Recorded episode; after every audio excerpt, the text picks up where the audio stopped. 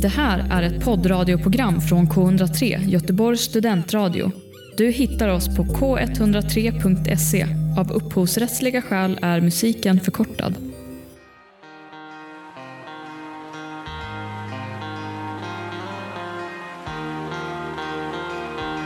Många poäng kvar att spela om.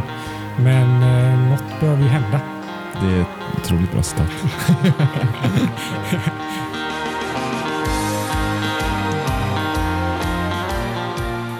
Hej och välkomna till eh, dagens avsnitt av, eller veckans avsnitt av Fotboll kommer hem. Eh, idag är det jag och Jesper som sitter bakom eh, programledarmicken, men eh, jag kommer nog släppa bollen ganska mycket över till övriga, övriga studiemedlemmar.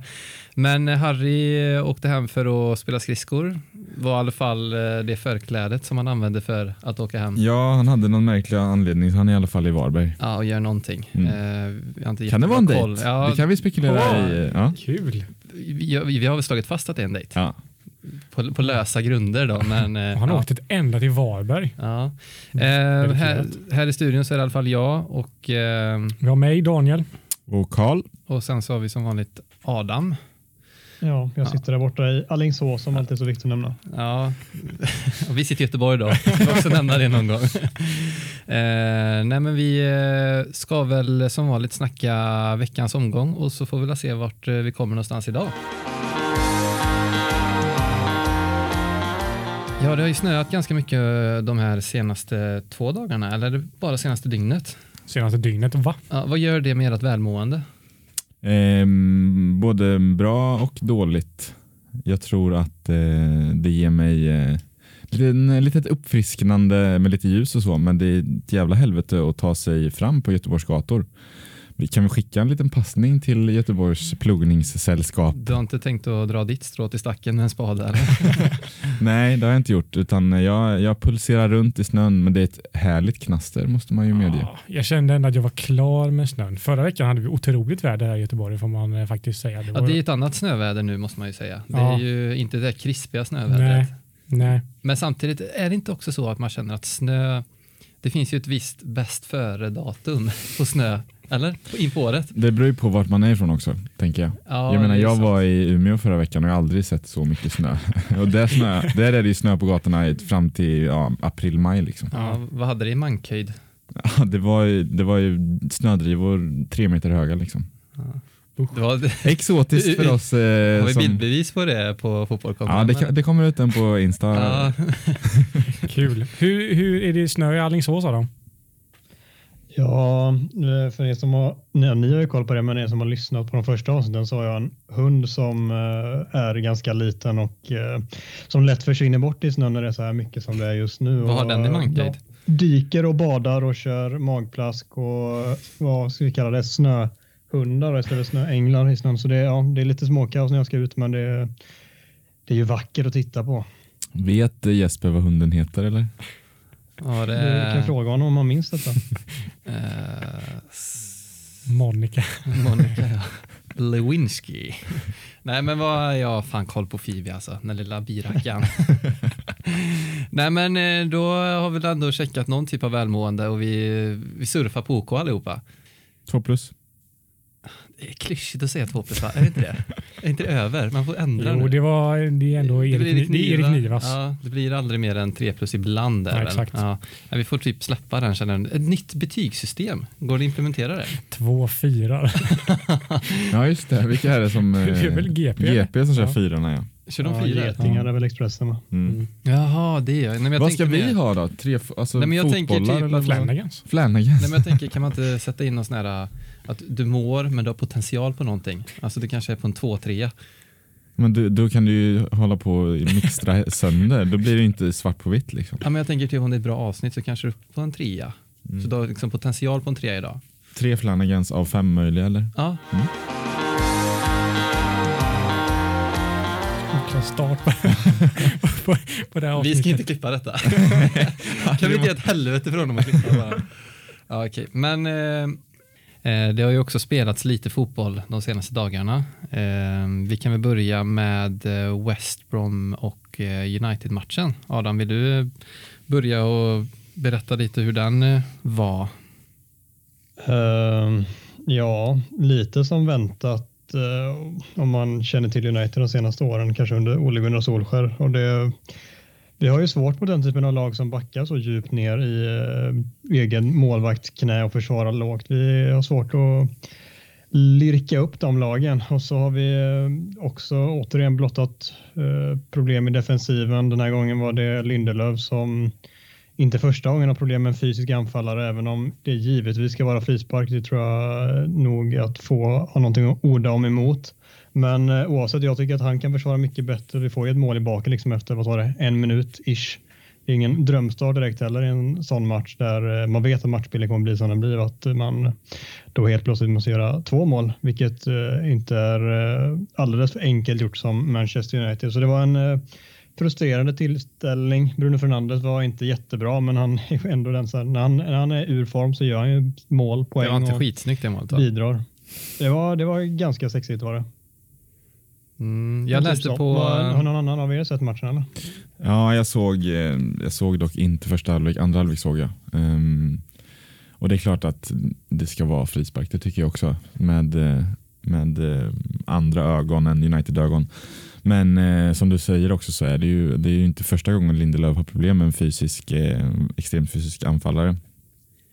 Det var också roligt att se Maguires eh, intervju efteråt där han, vad var det han, hade, han hade sagt att eh, det är inte många lag som, som åker hit till West Brom och skapar tio målchanser eller vad, vad han sa. Ja, Men så fanns första stat- laget ja. typ sedan Big Sam tog över som inte gör det. Ja. Men till Maguires försvar så sa han väl också andra faktiskt bra grejer i den intervjun med Aron? Ja, jag tyckte att han sa en del bra grejer där han diskuterade lite om liksom VAR och domslut och sådär.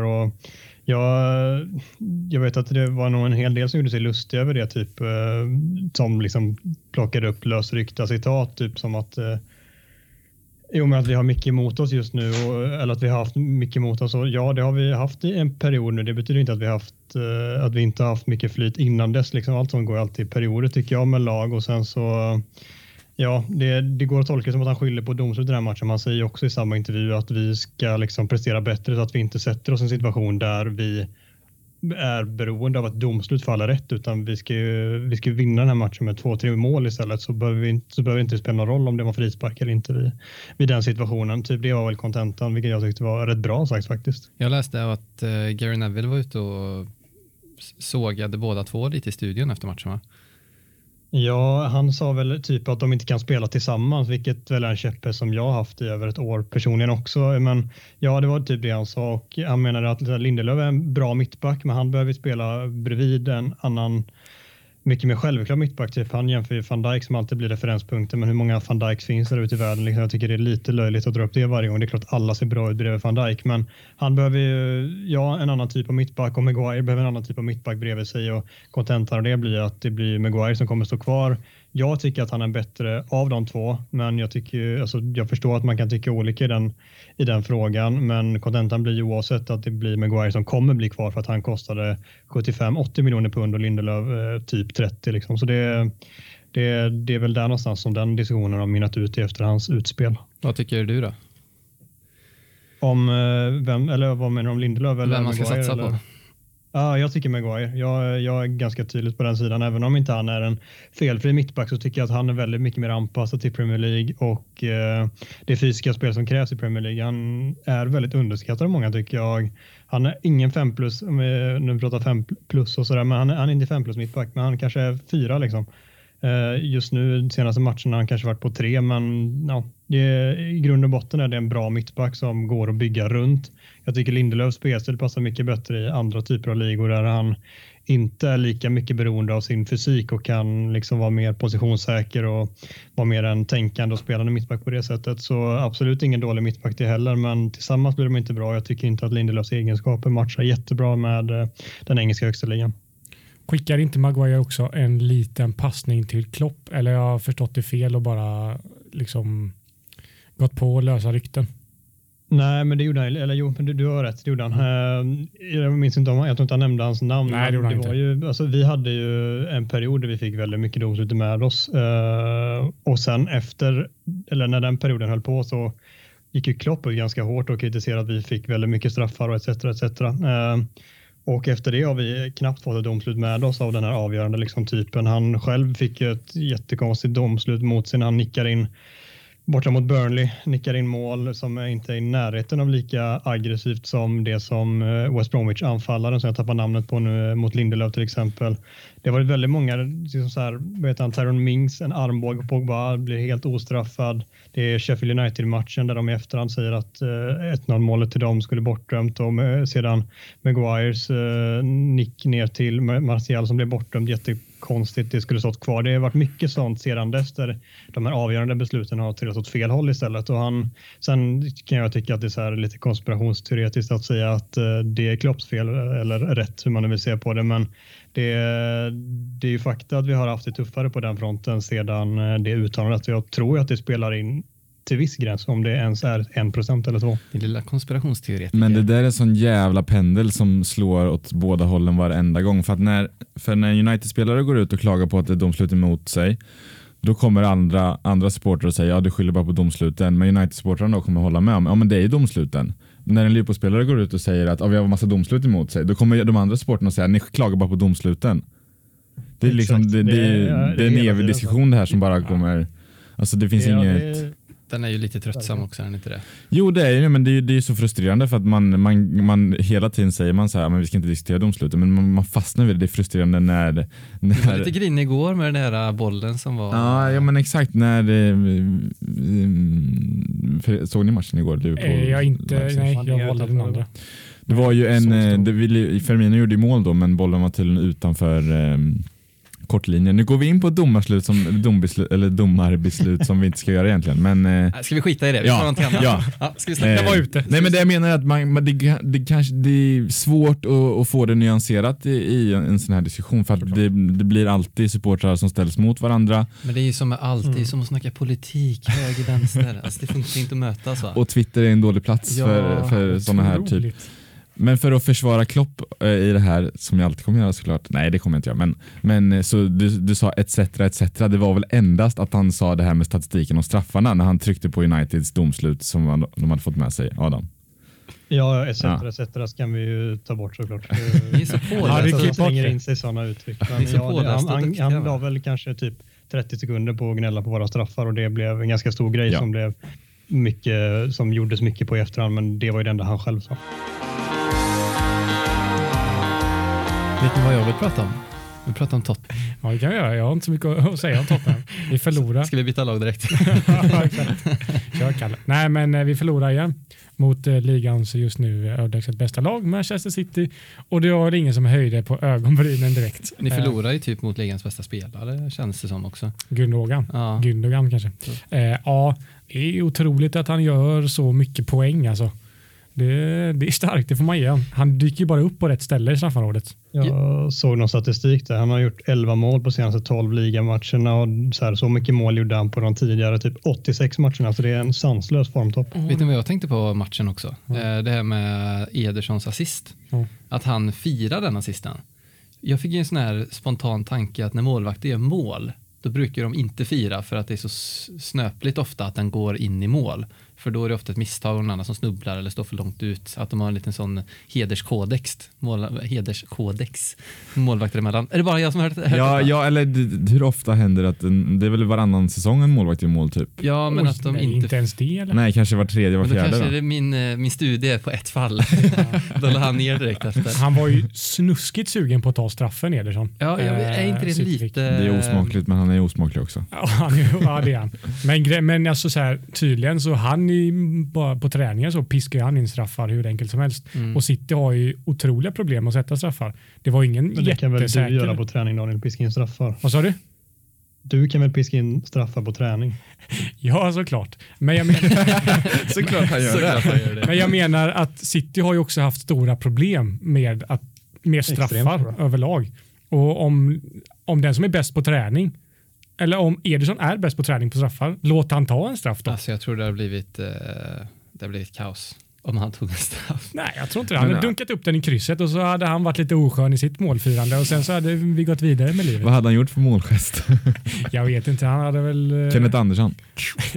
Han har inte pekat så på ryggen på namnet. Han har gjort någon clowngrej, tror du inte det? Ja, Spring på fansen så han har gjort. Men, eh, men Tottenham då, är det ja. inte Mourinho out nu? Jo, jo för helvete. Mm. Eh, är det redan det? Eh, ja, men det måste. Grejen är så här. Nu, vi har ju förlorat eh, fyra av våra fem senaste Premier League-matcher. Ska sägas att tre av dem är Liverpool, Chelsea och City. Så att, att förlora mot de tre lagen alltså i sig är inte för mig ett stort problem. Problemet är bara hur vi, hur vi, liksom, hur vi agerar i de här matcherna. Det är så liksom hopplöst bara. Liksom så här, ja, jag vet inte. Det brukar väl också vara Mourinhos typ av matcher att eh, ta poäng i? Också. Ja, det var ju det verkligen i höstas. Vi förlorade ju liksom inte en sån. Uh, men nu är det, är det så fruktansvärt hopplöst. Och, uh, Martin Åslund sa en väldigt bra grej. Uh, gjorde han verkligen det? ja, men det gjorde han. Vad han tror det liksom är problemet, eller bara han, han snackar liksom om Mourinho och hans fotboll, att den håller bara inte längre för att den individuella skickligheten hos spelare eh, sen, ja, alltså nu har blivit så pass bra um, om man jämför med när Mourinho var som bäst i Inter och Porto. Och det var det 10-15 år sedan. Att utvecklingen gått så långt att hans fotboll, hans försvarsspel klarar inte av det längre. Det blir mycket svårare att försvara. Um, och det, jag tror han har väldigt rätt i det. Och det, alltså ska, den, ska hans fotboll fortsätta hålla Eh, och utvecklas krävs det ju att man behöver försvarsspelare som alltså fyra Van Dijks i backlinjen typ. Och det är inget lag som kommer att ha. Mm. Ja, Adam? Jag, ja, men jag tror även att det går att föra över till offensiven också, för där har han ju väldigt lite struktur och tanke bakom och eh, alla lag har så bra individuella spelare idag jämfört med just då att det krävs att de har mer riktlinjer och tydliga direktiv hur de ska spela i offensiven för att man ska ja, göra fler mål och på den biten också. Så jag tror att det även går att applicera på den biten också. Verkligen. Eh, anfall är väl också, inte anfall det svåraste att coacha. Eller alltså att liksom taktiskt lära ut så. Jo. Ja. jo.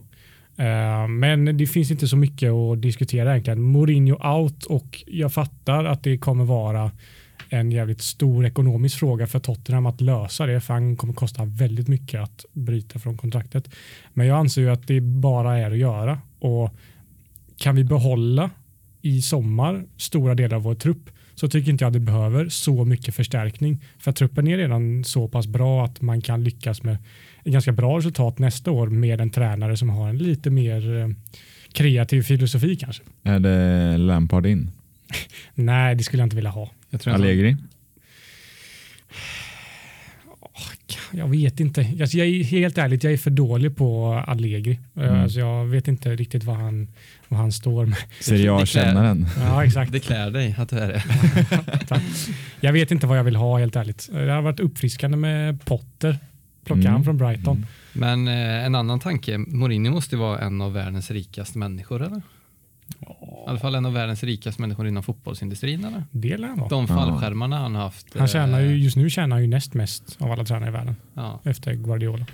Men det blir väl... Ja, det eh, kan... en bra slant när han lämnar United också, så absolut. Ja, ja. Vi kan väl spika fast att Mourinho är Arsenal till hösten.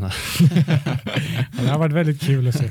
Han kommer det... kom inte sitta ut hela sitt kontrakt i Tottenham, det har jag otroligt svårt att tro. Ja, och det var ju faktiskt en oförståelig rekrytering från första början, eller? Det var ju, man fick en liten ljusglimt där nu i början av den här säsongen, men annars så har det ju varit Märkligt att anställa honom ja. som har varit trött i Chelsea, trött i United och ge honom ett treårs eller fyraårskontrakt mm. eller vad, vad det var. Ja, det, det de hoppas på är väl att vinna en titel? Ja, det, det var ett hopplöst försök att så här, nu har vi på Casino byggt upp, byggt upp något jävligt fint. Vi har en av eh, världens finaste arenor, träningsanläggning, jättebra trupp etc. etc. Det enda som krävs nu är en tränare som vet hur man vinner titlar och en titel är det vi kan liksom kröna det här vi har byggt upp. Och då var det, ja, bara titta på Mourinhos CV, det här har han vunnit. Ja, men kom mm. hit då. Mm. Och så gick det som, ja, som det gick. Jag såg på den fenomenala plattformen Twitter att han har en högre förlustprocent än Harry Redknapp nu och bland annat då fler förluster på mindre antal matcher än André Vias Boas. Och de fick ju sparken tidigare och ja, jag tror att det är mycket grundas i att eh, han inte vågar sparka honom på grund av det ekonomiska eller att han håller på den knappen lite, lite längre på grund av det. Garanterat. Men att, ja, jämförelsen med Vias Boa så är ju rolig. Men Harry Redknapp var ju otroligt Tottenham. Han vill jag inte jämföra med. Han, Harry Redknapp, han bringar in Tottenham i den här Harry's at the storhetstiden. wheel. Ja, gärna, kom gärna tillbaka. Men, ehm, Tactics team annars. Ja. men är topp fyra kört eller? Med tanke på att det är fyra poäng bakom Liverpool som är på fjärde plats så kan jag inte säga att det är kört. Men nu är vi inte på fjärde del längre dock. Men. Ja, men det var, Ja. kan det vara fem då, max till ja. fjärdeplatsen. Så nej, det är klart det inte är kört. Det är mycket, många poäng kvar att spela om. Men eh, något behöver ju hända. Det är ett otroligt bra citat. Vi är ju inte... Sponsrade. Vad säger du? Vi är ju sponsrade av... Denna vecka sponsrade av... Jag slänger in wildcard. Det var verkligen, vi byggde upp för det. Nej, förlåt. Eh, ja, vi, till alla lyssnare där ute så vi drömmer ju om att bli beroende journalistik. Så sitter ni på något fett kontrakt så eh, är det bara att kontakta oss på På eh, fkhpodd.twitter.com. Nej, vi har tyvärr ingen mailadress, men det, när vi väl... Slida in i DM bara Slida så in ska i vi se vad ja. vi kan lösa här. Mm. Det kan även gälla energidryck. Eh, lyft blir många... Nej, vad är den heter? Eh, Jo, Lyft. Lyft ja. Lyft, spelbolag, kasinon, vad som Ja. helst. Ja. Det, det tackar vi för så vi kan göra annat också. Mm. Eh, jag skulle vilja prata lite Fulham. Kan vi... Eh, det vill jag egentligen inte, men jag blev bara glad när jag såg att Josh Maja gjorde två mål. Eh, för alla oss som Ja. har sett Sunderland till I Die-dokumentären så var det ändå lite uppfriskande. Verkligen. Verkligen. Jag hade faktiskt eh, helt missat att han gått dit från eh, Bordeaux. Då. Jag med. Mm. Så det var väldigt roligt att se att han stängt in två. Adam, du såg ju matchen förmodligen. Eh, nej, jag har faktiskt inte gjort det. Jag har bara sett Han är bluff. highlights i det här fallet. ja, eh, avslöjad. Nej, men det jag tänkte säga var dock att eh, Fulham har gått riktigt bra alltså i ett antal månader nu. Jag tror att enda gången de har förlorat matcher så är det mot nuvarande topp fyra eh, lagen. Eller alltså de, ja, men, eh, de topp fyra, topp fem lagen någonstans där. Annars så kryssar de eller vinner. Så de eh, har ju fått upp farten betydligt bättre än vad de hade i inledningen av säsongen. Så det får man ju berömma den gamla Tottenham-legenden för. Men eh, en sak som jag har tänkt på också är ju um, hur länge har han varit där nu, Scott Parker? Det måste vara fyra, fem, Nej. fyra år. Två, tre, va? Tre kanske. Ja. Ja, men ändå, han har ändå fått ganska bra med förtroende. Det måste man ju ändå ge, ge dem. Och det är inget lätt jobb heller, den rulliansen på spelare som de har haft. Nej, och de har ändå åkt ner med en väldigt dålig säsong i, i Premier League förra gången och Mm. tog sig upp, var det direkt efter? Måste det ha varit. Mm. Ja, eller något sånt i alla fall. Men det ska de ha. Jag vill bara slänga in en liten brasklapp på det Adam sa att de har varit väldigt bra i månader nu. Senaste vinsten innan denna var 30 november. Eh, annars har de ju kryssat sig fram. Ja, jag sa det. De har inte förlorat. Alltså, Ja, de ja, har ju nej. kryssat mycket. Men det är ändå det- kryss de har varit mot- svårslagna den senaste tiden. Ja, men ändå kryss mot Brighton och West Brom och visst det är kryss mot eh, Tottenham. Men vi, har, eh, vi står fast vid vårt tipp, de åker ut, eller? Ser vi någon? Jo, det tror jag nog. Ja, det är Newcastle emot kanske. Ja. Men de har för bra trupp Newcastle. Sen så har vi också, vi var ju väldigt tidiga ute och säga att Everton var en bluff. Ja, Och det Mm. har väl ändå stått sig ganska bra. Så de kommer ligga där och guppa runt sjunde, Ska vi, plats. det kanske vi kan prata lite om att vi faktiskt har en ny PL-svensk på heltid, vad det verkar. Att Ja, Robin det Olsen, På heltid då. det känns som att han är första keeper nu, eller? Jag tycker inte han har gjort jättebra. Eh, Nej, men han har ändå fått stått kvar trots att han inte har gjort Men det är jättebra väl för att intryck. Pickford är skadad, är det inte det? Ja, jo det är det. Ah, Okej, det har jag missat tyvärr. Mm, det kan jag- Harry klippa bort så att min okunskap... Ja, men eh, jag tror att det var något sånt när jag läste på inför, inför omgången. Nej, men det, det är väl ändå värt att, att notera att eh, Everton är kass och Fulham är skitbra och att Josh Maja har gjort två mål. Mm. Är Everton så kass då? Alltså, de har två matcher mindre spelare. Det är i och för sig mot typ City och ett annat, tror jag, topplag svårt motstånd. Men alltså, de har två hängmatcher. Vinner de, de så är de topp fyra. Men jag tror, ja, jag tror också att eh, när, Jeppe säger, när Jeppe skulle syna den här bluffen i, i höstas så handlar det väl om att viss, när de ledde ligan så trodde ju vissa att det skulle bli nya Leicester typ. Det var ju vissa Ja, som... Ja, precis. nej. Mm. Eh, Nej, jag, jag har svårt att se dem, alltså Champions Jävla League. högoddsare tror jag och- inte- ja, exakt. Nej, men Champions League tror jag inte på. Absolut Europa League, jag säger de kommer ligga och guppa där runt sjunde, åttonde plats. Eh, men de är väldigt, väldigt, som många lag i och för sig, men beroende av Calvert Lewin, Rikarlison och James Rodriguez. är det många lag som har dem? Nej, men jag menar beroende av sina bästa spelare, så det var inte en superspaning av mig. Men, Nej, men framförallt Calvert Lewin. Ja, precis. ja, vi får se hur länge det bär. Jag, ja, jag gillar inte Everton så mycket. det är ett underbetyg till Fotboll kommer hem att vi inte har snackat så mycket Leicester. Um, ändå en fantastisk säsong och jag såg någon statistik på deras eh, skadelista att de har ju alltså haft flera nyckelspelare borta och ändå ligger där de ligger. Så det ska Brennan Rodgers ha ett, eh, ett plus för. Honom håller vi alltid varmt om hjärtat även om han inte... Jag tycker ja. att han är riktigt, riktigt underskattad. Han får inte riktigt den credden han förtjänar. Jag tycker han gör ett fantastiskt jobb med Leicester både förra och denna säsongen. Mm, absolut. Sen så mötte de också ett haveri. Eh. Ja, kanske gjorde de till ett haveri. ja, jo, men alltså vi, vi kanske inte ska frånta Leicester någonting, men eh, Liverpool är ju, är ju som de är och det är kul för att tänkte på det förut när jag var på väg hit att jag var inte med förra veckan och veckan innan det så sa jag så här, nu har det vänt och jag gick ut och sa att Liverpool skulle vinna ligan. Eh, sen dess så har det, har det gått käpprätt åt. Åk aldrig till Umeå igen? Nej, exakt. Det var första sista gången. Nej, jag skojar bara. Um, Jinxar du här en gång till? Ja.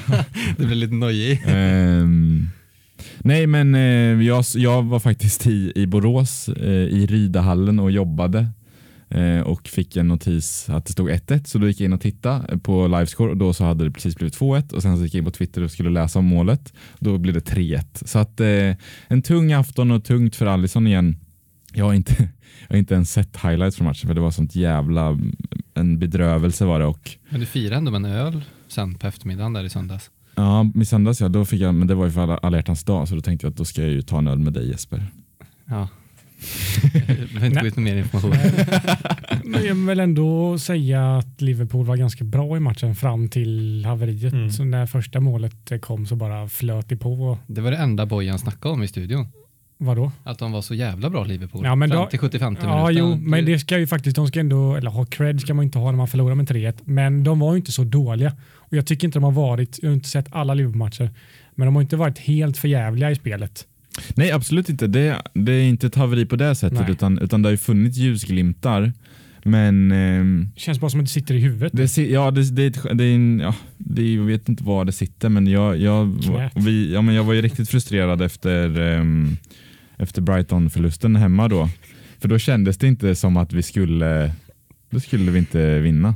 Eller vi, skulle, vi kunde inte ens ge mål. Liksom. Och det, var, det, det var någonting, jag skrev det i vår, i vår chatt då, som vi har, att det, det här känns som att det börjar likna Klopps sista säsong i Dortmund där, det, där, det, där vi blir sönderlästa liksom, och inte skapar någonting offensivt. Men inte det också en farlig bubbla som alla fotbollssportare alltid gör? Det går bra i två säsonger och sen så tänker man att vem kommer kunna stoppa det här? Alltså då känner man att man mm. är bäst i världen och kommer alltid vara det för att man är så otroligt bra.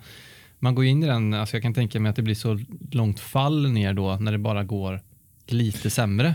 Ja, alltså det är ju, det är ju ovant för oss och det är därför man, man, man, man försöker hela tiden leta förklaringar till varför det går som det går för man är inte van med detta. Um, men uh, nu vänder det igen, för nu vann vi i Sel igår. Här. Nej. Jag ser hur du liksom går trappstegen nu. ja, nej, det var mm, och det, var, det jag skulle säga också var att det var en bedrövlig lördag för att jag åkte på en eh, bot också från de vita mössorna i Göteborgs mm. eh, trafikliv. Tråkigt. Eh, ja, så jag tillbringade eh, min lördag i, i Borås med eh, en bot, böteslapp och en Liverpool-förlust. Det var inte roligt. Nästan värre att du var tvungen att vara i Borås. ja, jag skulle också säga det. Vem fan vill åka till Borås på en lördag? Um, Men sen nej. så var det en trevlig alla hjärtans dag-kväll hade sen efter. Det hade jag och sen så hade jag en trevlig eh, gårdag. Vi spelade in nu onsdag morgon och Liverpool vann ju i Ungern mot Leipzig med 2-0. Men jag vet inte om vi ska prata så mycket CL. Det är ju ändå en Premier League-podd detta. Precis. Ah, det går att tänja på gränsen. Det vi kan, säga, det vi kan säga också är att, eh, att jag tar tillbaka all, alla eh, ligatiteltips kring Liverpool. Jag, jag kryper till korset. Men jag tycker inte det är så coolt att vinna ligan. Alltså. Jag tycker inte det är... Vad säger Adam? Nej, topp fyra, top fyra är väl eran grej. Ja, det är inte så coolt det heller alltså. Topp tio mer. Det är överskattat. Ja. Ska vi prata, eller känner vi oss färdiga där med Liverpool? Ja. ja. Ska vi prata Arsenal? Ja, Ska, kan vi inte köra att eh, någon av er kan börja och prata Arsenal? Har någon sett matchen? Ja, jag såg matchen. Jag vill bara säga att oavsett hur charmiga Leeds är så vet man att när de möter ett lag som, ja, vi säger Big Six-lagen då, ja, men alltså våra lag, så kommer de förlora. De är ju för, de blottar sig alldeles för mycket bakåt så att trupperna vi har är ju, alltså de offensiva spelarna är ju för bra för att inte göra mål mot Leeds. Eh, men oavsett, man ska inte ta ifrån att ni vann, det är starkt. Auba, hattrick, det var kul för honom. Ja, det enda jag kan tänka på hans intervju efter, var det någon som såg den? Nej. Han ser så himla mysig ut. Alltså, han blev, han var, du vet, många kan jag känna dra på en liten mask när de pratar i media för att de är tvungna att prata i media. Har inte Auba också gjort det fast när han fyra mål? Ja, jo. det, är faktiskt sant. Han stod med Batman-mask i intervjun här och det jag tänkte komma till. Nej, uh, nej men uh, att han, uh, det känns som att han, han satt och pratade om sin mamma och sina barn och hur klubben hade stöttat honom och sådär. Men det känns som en ganska billig investering att stötta sin dyraste spelare så sätt. Men eh, det var ju mm, de var ju ganska bra Arsenal den matchen för en gångs skull. Och det var kul att se um, Smithrow och uh, Ödegård spela tillsammans måste jag säga. Um, det är ju smarta fotbollsspelare till skillnad från vissa andra i det laget. de har ju har Inga ju, nämnda, inga glömda. Nej, exakt, det kan man väl säga. Men det som jag fundera på är att det är ett, eh, ett litet eh, intressant, eh, en liten iakttagelse som är gjort från Arsenal-spelare att det är väldigt många spelare som är beroende av en annan spelare för att vara bra. Alltså under hela, alltså om man kollar på lagbygget så tycker jag ju att David Luiz är inte jättebra. Jag tycker inte Gabriel är jättebra, men när de två spelar ihop är de ganska bra.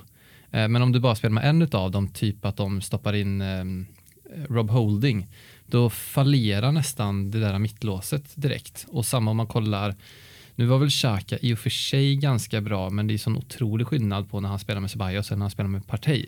Att de, det är väldigt många sådana dubbellänkar som man behöver för att de ska leverera. Det jag tror att Ödegård och Smith Rowe och Saka kan vara ett bra komplement offensivt också. Ehm, det, det, är som att de spelar på samma våglängd någonstans. Ehm, vad, vad säger ni om det? Nej, jag håller väl med dig, men eh, också kul eh, att Auba är igång igen. Eller kul är det väl inte för mig, men det är väl roligt för honom. För att det var ju en otrolig formdipp. Eller mm. beror ju också på att han var iväg med, med hela mamma-grejen och så, men, men han var ju inte bra innan det heller. Nog mest skönt bara för honom. Ja, alltså... det, var, det var kanske det man märkte i intervjun framförallt. Ja. Han kändes bara lättad mm. och glad över att han, det var hans första hattrick i Arsenal också. Mm. Um, mm. Grattis Auba. Aha. Om du lyssnar ja, så ska du ha en eloge. Han, fir, han firade väl det med att bryta mot coronareglerna och skulle skaffa sig en tatuering. det får man inte för tatueringsstudios får inte ha öppet i England. Det känns som att Arsenal har väl någon i klubbhuset annars. på träningsanläggningen. vad, är det, vad är det för tatuering Beijerin har? Han, han, har? På låret står det bara two. Ja. Vad är det för något? Det är segt sen han blir petad och får nummer 49 eller någonting. Jag ska skriva det på kroppen också. Det är alltså baserat på hans eh, nummer på ryggen då eller? Ja, men eller så kanske jag, det kanske är så att han eh, istället för att ha tredje hjulet så han andra hjulet i många förhållanden. På tal om det så hade ju Fernando Torres han hade ju bara en nia så på armen för att han hade nummer nio. Det är ju snyggt. Mm, jag vet inte om det är så snyggt alltså. Nej, jag tycker inte det. Nej. ska Det är segt också om du byter klubb och nian inte ja, exakt. Ja, han fick, begära nian. Han hade ju 19 i Atletico Madrid när han kom tillbaka. Mm, då. Det var ju segt för honom. El Nino. El Nino. El Nio. Mm. Nej men eh, på tal om just sådana figurer eller nummer och namn. Eh, alla mot alla igår. Mm. Den är snygg. Lotta Schelins. Mm, L8. L8. Mm har han jag... också intatuerat faktiskt. Har hon det? Mm. Men de får, ju, får ligga ner med det och tatuera in sina nummer. Också, ja, Vad har vi på tatuerade fotbollsspelare? Jag tänker på Daniel Agger direkt i Liverpool. Han, hela kroppen nu har han. Oj. Mm. Jag tror han till och med driver någon slags tatueringsstudio i Danmark. Eller något. Mäktigt. Jag hade inte velat bli tatuerad av Agger. Nej, jag vet inte fan alltså vilka... Har inte Auba också eh, vingar jo, på ryggen? han har typ? väl massa tatueringar. Det kändaste är väl Arturo Vidal annars. Han är väl, eh, eller eh, eh, Nine Golan har väl upp mm. till... Eh, han har väl någon ros ända upp till hakan. i hakan ja. Annars så, Annars så har vi de här vanliga. Typ Charlie Adams, har han några eller? Nej, han kör plain eller han är helt kritisk. Han kanske så. känner att han inte vill eh, skymfa sin kropp, den vackra. Fast han sitter kanske inne på en tribal någonstans eh, på ett osmakligt ja. ställe. Adam, Adam tänk, vem tänker du på när du tänker tatueringar av fotbollsspelare? Ja, jag vet inte varför, men Marcos Rojo är den första som ploppar upp då. Det är för att han på högerlåret precis ovanför strumpan har Pride och på vänsterlåret har han Glory. Riktigt fattigt. ja, det är sådär. Messi har ju ändå... Rimmar, rimmar ju med den, eh, så här, den personlighet som han vill utspegla utåt eh, att han har. En annan, en annan väldigt och... fin, eller inte väldigt fin, men cool tatuering, det var ju Aaron Ramsey. Han hade ju hela benet från knät och neråt över sin gamla hemby eh, i Wales med eh, ja, olika motiv från hamnen och kyrkan och sånt. Så den såg man ju bara när han drog ner strumporna efter matchen. Mm. Eh, ja, vi måste väl också bara nämna Zlatan bara för att han har mycket tatueringar. Det var ju någon match i PSG som han hade skrivit in massa typ namn. Typ 990 namn eller något. Ja, ja det är mäktig reklam faktiskt. Ja, verkligen. På tal om reklam igen. Vi... men, men är det inte roligt eh, att i boken skriver Zlatan att det blir, att det blir ett beroende typ med tatueringar? Mm. Men han har ju inte så många. Eller han har ju bara ryggen och kanske någon på armen. Det är inte så att han har hela kroppen full. Om han det är ett beroende också... borde han ju aldrig sluta göra det. Liksom. Han är väl också i den här finhåriga balansen mellan att verkligen tryharda och göra sin kropp till ett konstverk men ändå lyckas med det.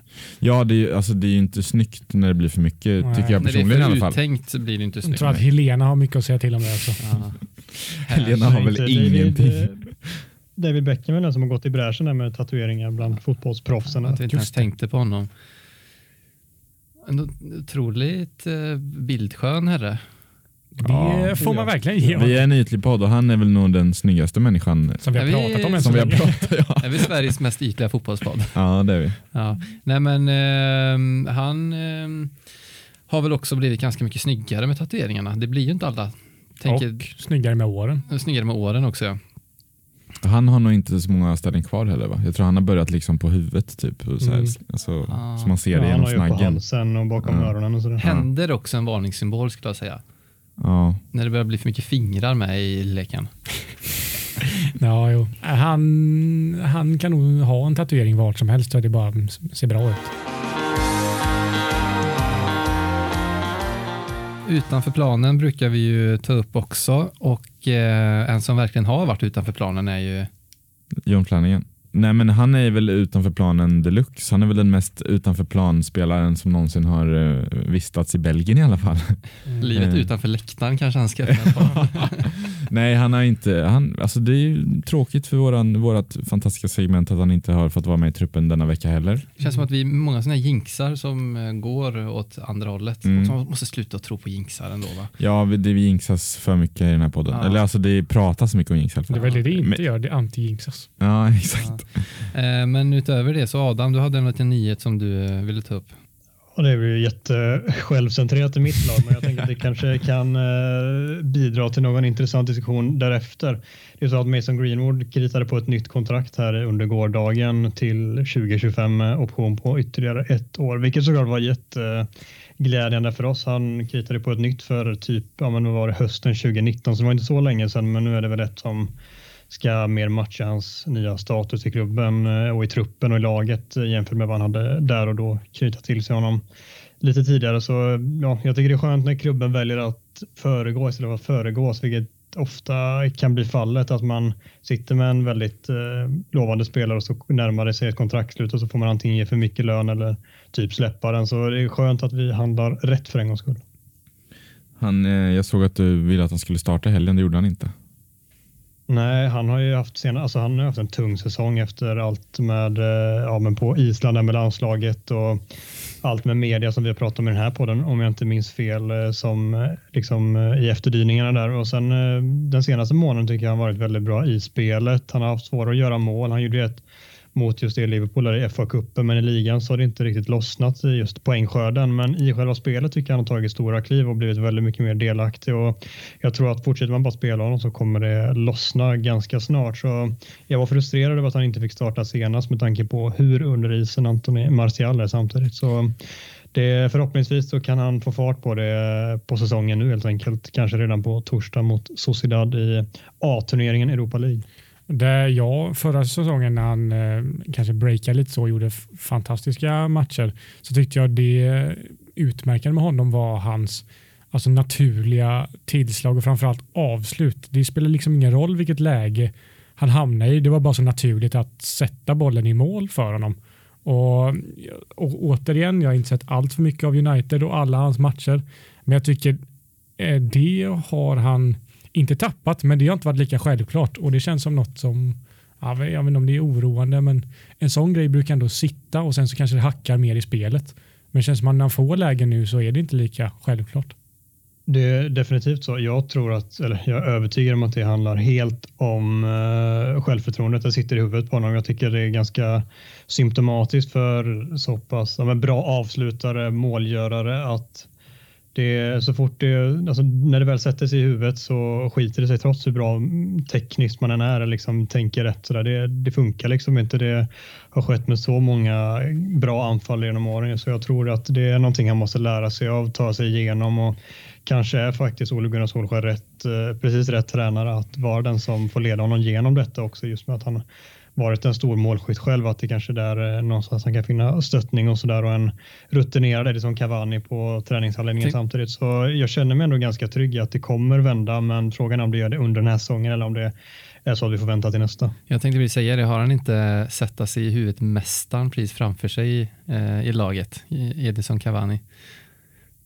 Hur menar du? det känns som genom åren så har han haft många jobbiga måltorker. Det var min magkänsla som säger det här. Men... jo, men lite tror jag. Alltså, jag det, det har du nog inte helt fel i alla fall. Det känns som att han har varit en sån sjokspelare. Så när det väl lossnar så kommer det tio mål på fyra matcher och sen så kan det vara lite tyngre en period. Så inte helt dum spaning i alla fall. Men vad blir, eh, hur eh, förbättras hans ekonomi av detta då? Vad är lönen? Det finns inga uppgifter på det ännu. Han hade 25 000 pund i veckan på förra, vilket är men, typ det första man får efter att ha tagit sig upp från eh, om man börjat få spela en del och tagit sig upp från juniorlagen, så det är en ganska liten lön i sammanhanget. Eh, vad han får nu, det sägs bara att han ska matcha liksom den statusen han har i truppen, vilket jag tycker är jätteoklart. Det kan ju vara allt mellan typ 60 till 80 eh, 000 pund i veckan kan jag tänka mig. Någonstans däremellan är min magkänsla och gissning. Jaha, tror du inte mer? Nej, jag tror inte det ännu. Jag tror att han eh, ska först bli eh, helt ordinarie i laget innan han kliver över miljonstrecket.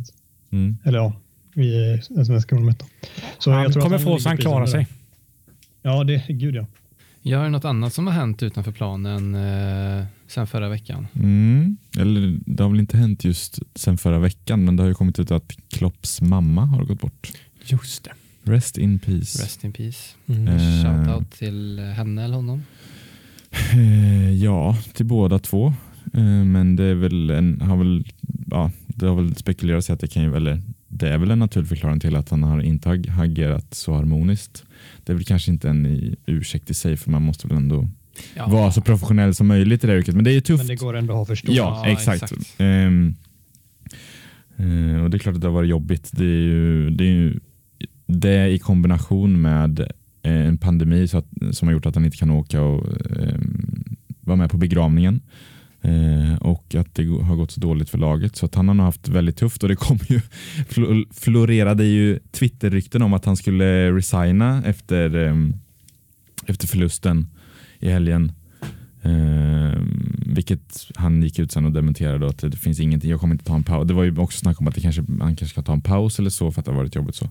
Men eh, nej, det fanns ingen, ingenting i de ryktena utan det var bara och det var ju ingen av de erkända alltså James Pierce eller de insatta eh, journalisterna som rapporterade detta. Men det var sådana här Twitterkonton som, som har haft rätt förut den här säsongen faktiskt. På tal om eh, att ställa upp i press som eh, alla i Premier League eh, måste göra, i alla fall tränarna, ehm, så kan vi diskutera lite den engelska fotbollsjournalistiken kontra den svenska kanske. En tanke som ofta har slagit mig när jag läser engelsk ehm, ja, fotbollsjournalistik helt enkelt är att de nästan skriver Alltså de skriver med väldigt naiva och blåögda ögon ibland och återberättar mer alltså en förskönad historia om vad som händer. Nästan så att de springer klubbens ärenden. Är det någonting ni också tänkt på? Mm. Det är exakt så det är. De springer väl klubbens ärenden och um om jag utgår från ett, ett Liverpool-perspektiv så är det ju då James Pierce eh, som är eh, den mest initierade journalisten. Han jobbar ju på The Athletic och ja, tidigare The Echo, Liverpool Echo. Eh, och han, eh, alltså när han rapporterar någonting så är det trovärdigt och att så här, om, om Liverpool vill ha en spelare så när man vet att han har skrivit om det så är det sant.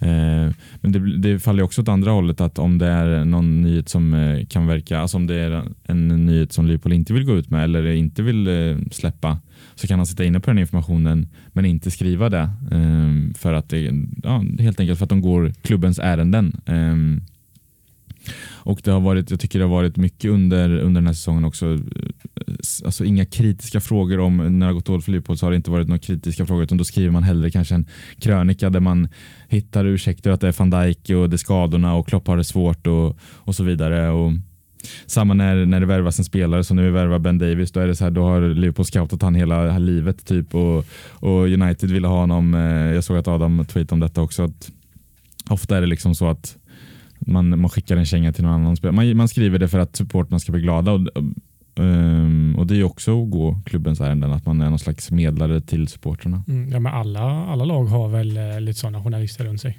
gissar jag. Ja, i ja. Arsenal heter de väl typ Amy Lawrence och James McNicholas eller någonting. Eh, McNicholas.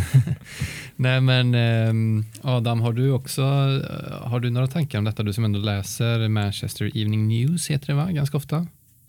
Ja, jag följer väl i alla fall eh, vad som sägs där. Det är, alltså det är precis på samma sätt som eh, som Kalle benämner här. Det finns ju ja, Samuel Lockhurst som eh, egentligen av de flesta United-supportrar är ganska illa omtyckt för sättet han ständigt backar klubben och så här, han, han är verkligen i källornas händer. Han alltså, skulle aldrig skriva egentligen någonting som klubben inte vill och så om han gör det så känns det ganska som att det han gör det typ provocerande för att eh, locka till sig ja, klickjournalistik på det sättet och mm, ganska illa omtyckt. Sen finns det Simon Stone som jobbar på BBC som eh, är eh, ja, men kanske lite mer motsvarigheten till Pierce då, i Liverpool-fallet och bara skriver saker som liksom kommer från klubben direkt i princip och är 99,9 procent sant varje gång.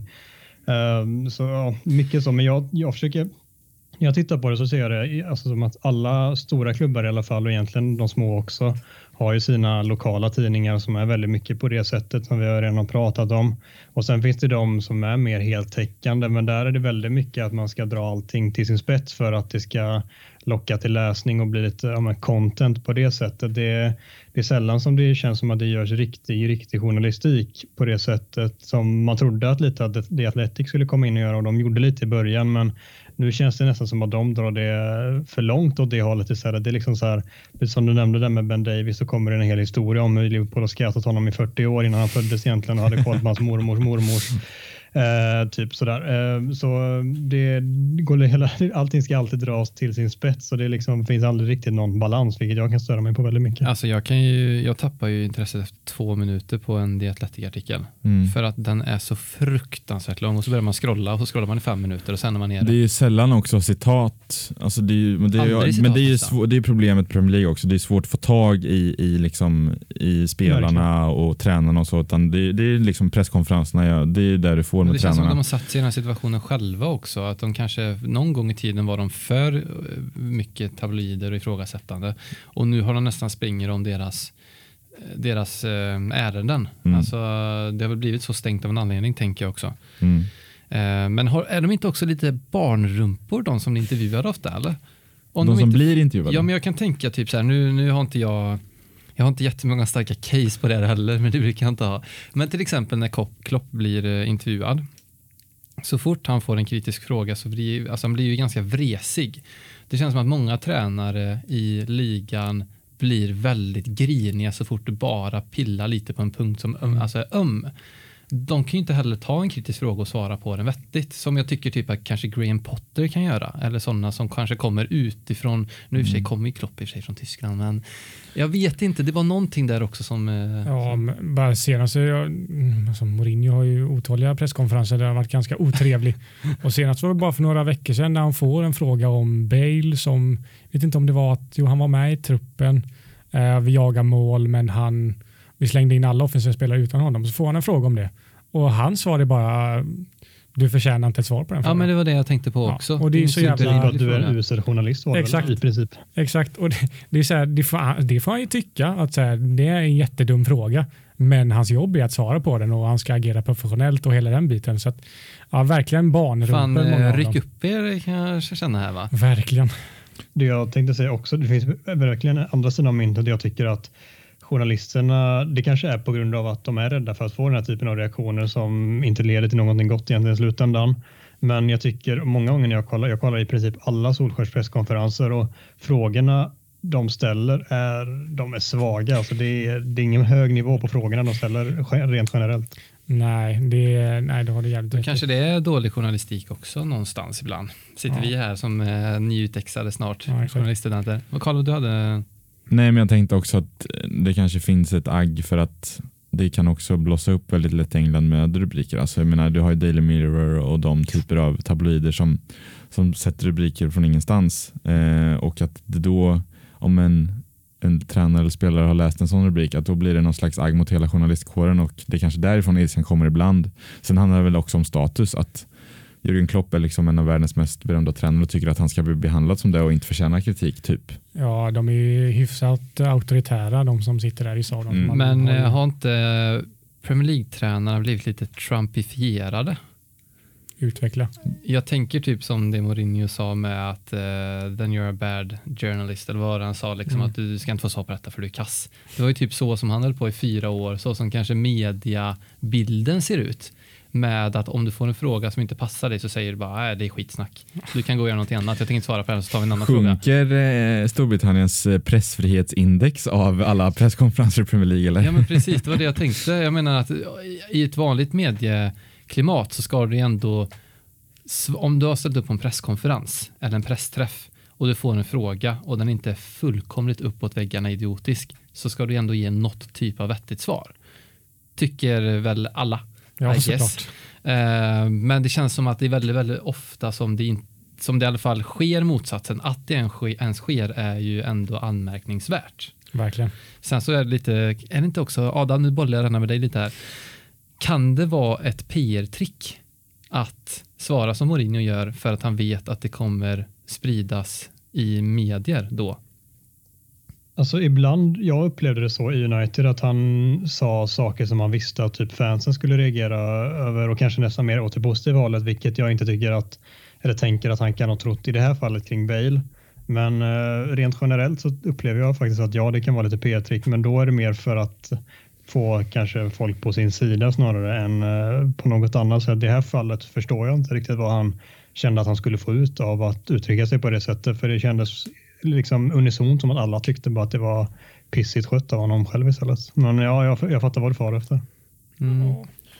Men om vi ska dra en par parallell till den svenska journalistiken så kanske det är omöjligt i och för sig med tanke på att det är en helt annan värld om man jämför med allsvenskan och, och eh, Premier League. Men till att börja med så är det ju lättare och du kan ju ringa upp en spelare i Allsvenskan. Liksom. Du har ju deras nummer och bara kan ringa och du behöver inte gå via klubben. Eller, alltså, menar, det enda, de enda liksom, personporträtten som en engelsk eh, tidning gör det är ju i samband med något sponsorevent. Typ. Alltså Michael Rashford ska göra något för eh, han gjorde väl något med något klädföretag nyligen. Då fick The Athletic en intervju med honom. Liksom.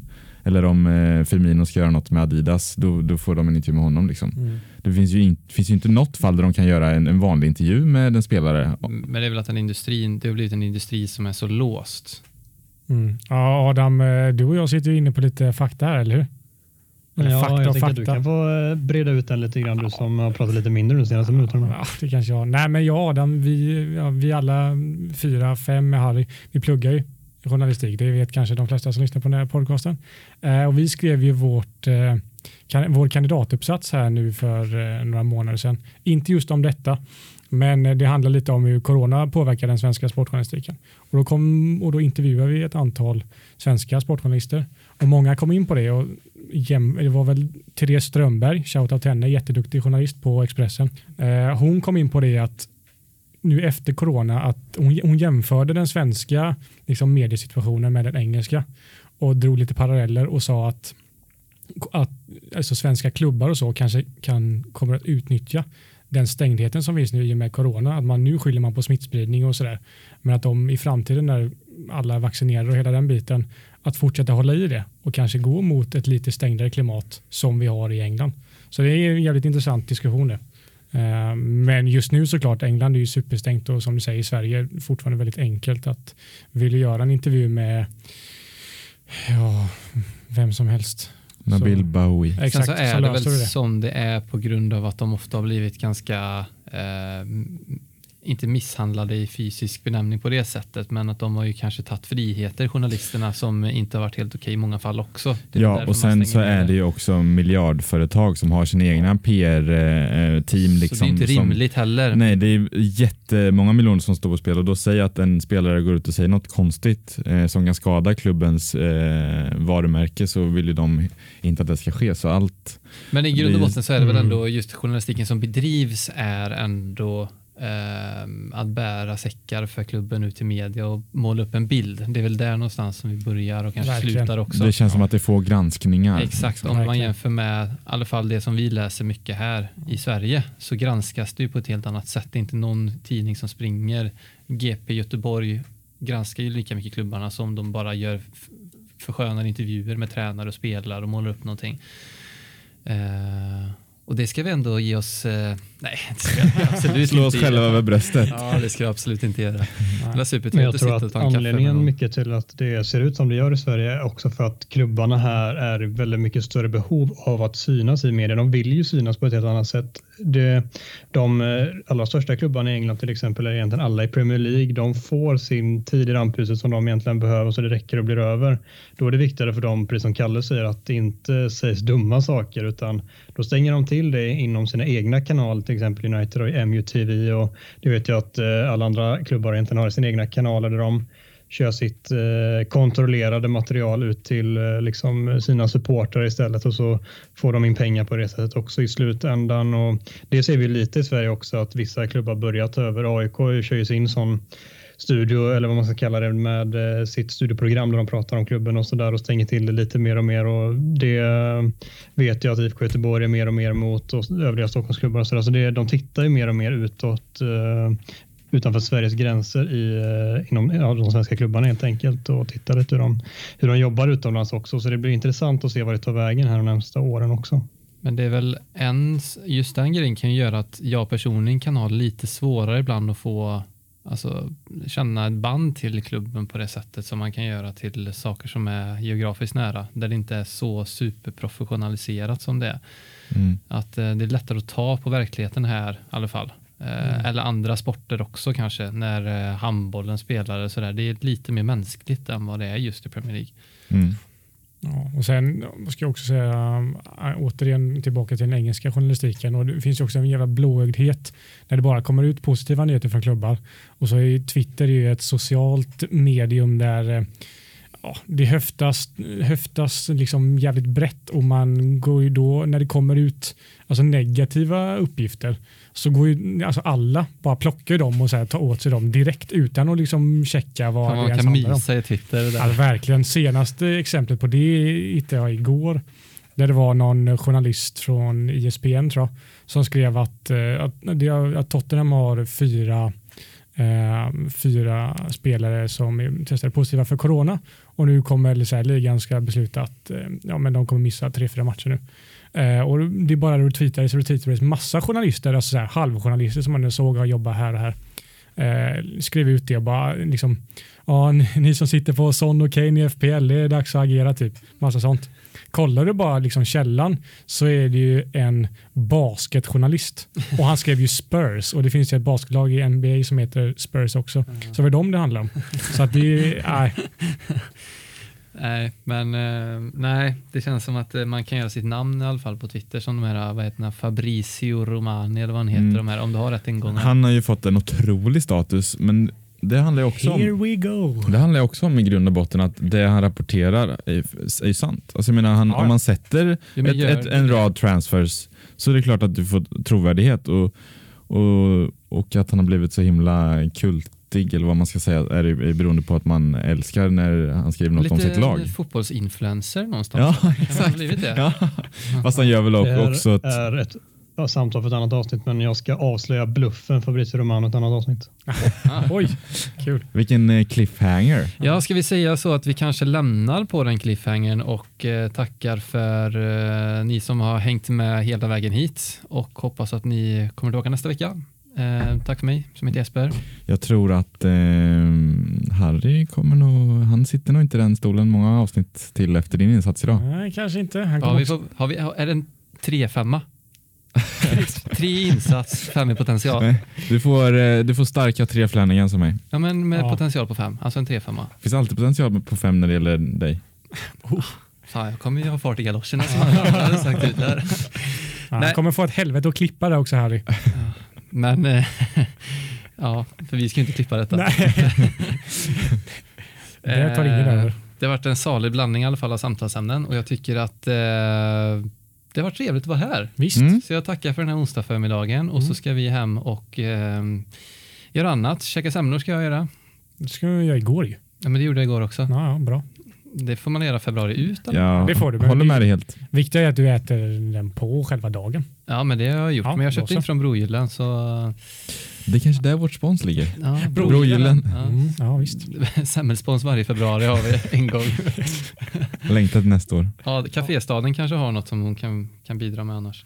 Vilken är Alingsås Ja, bästa och, hit och käka semlor. Äh, Evelina, min sambo, är ju alltså semla, älskornas äls, semla älskare om man säger så. Då. så hon eh, säger att ICA Maxi i Alingsås gör de, deras egna bagerier de bästa semlorna så jag får väl lita på det. I Caféstaden. Det är ju ett hån ja, mot alla kafén i Sveriges kafés tätaste Varenda stad. konditori som finns där borta har ju få ett drev gjort ett jävla dig. misslyckande måste jag säga i så fall. Ja, step it up med Ja. semlorna säger Ni jag. hör ju, vi vill inte sluta prata. Nej. Men nu måste vi det. Tack och eh, hej. Tack, tack. Tack, Tack. och förlåt som man också kan säga. Ha det bra. Hej.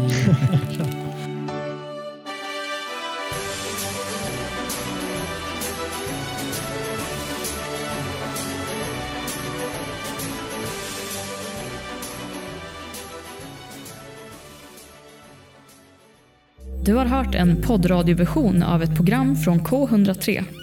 Alla våra program hittar du på k103.se. Följ oss gärna på Facebook eller på Instagram. Vi hörs!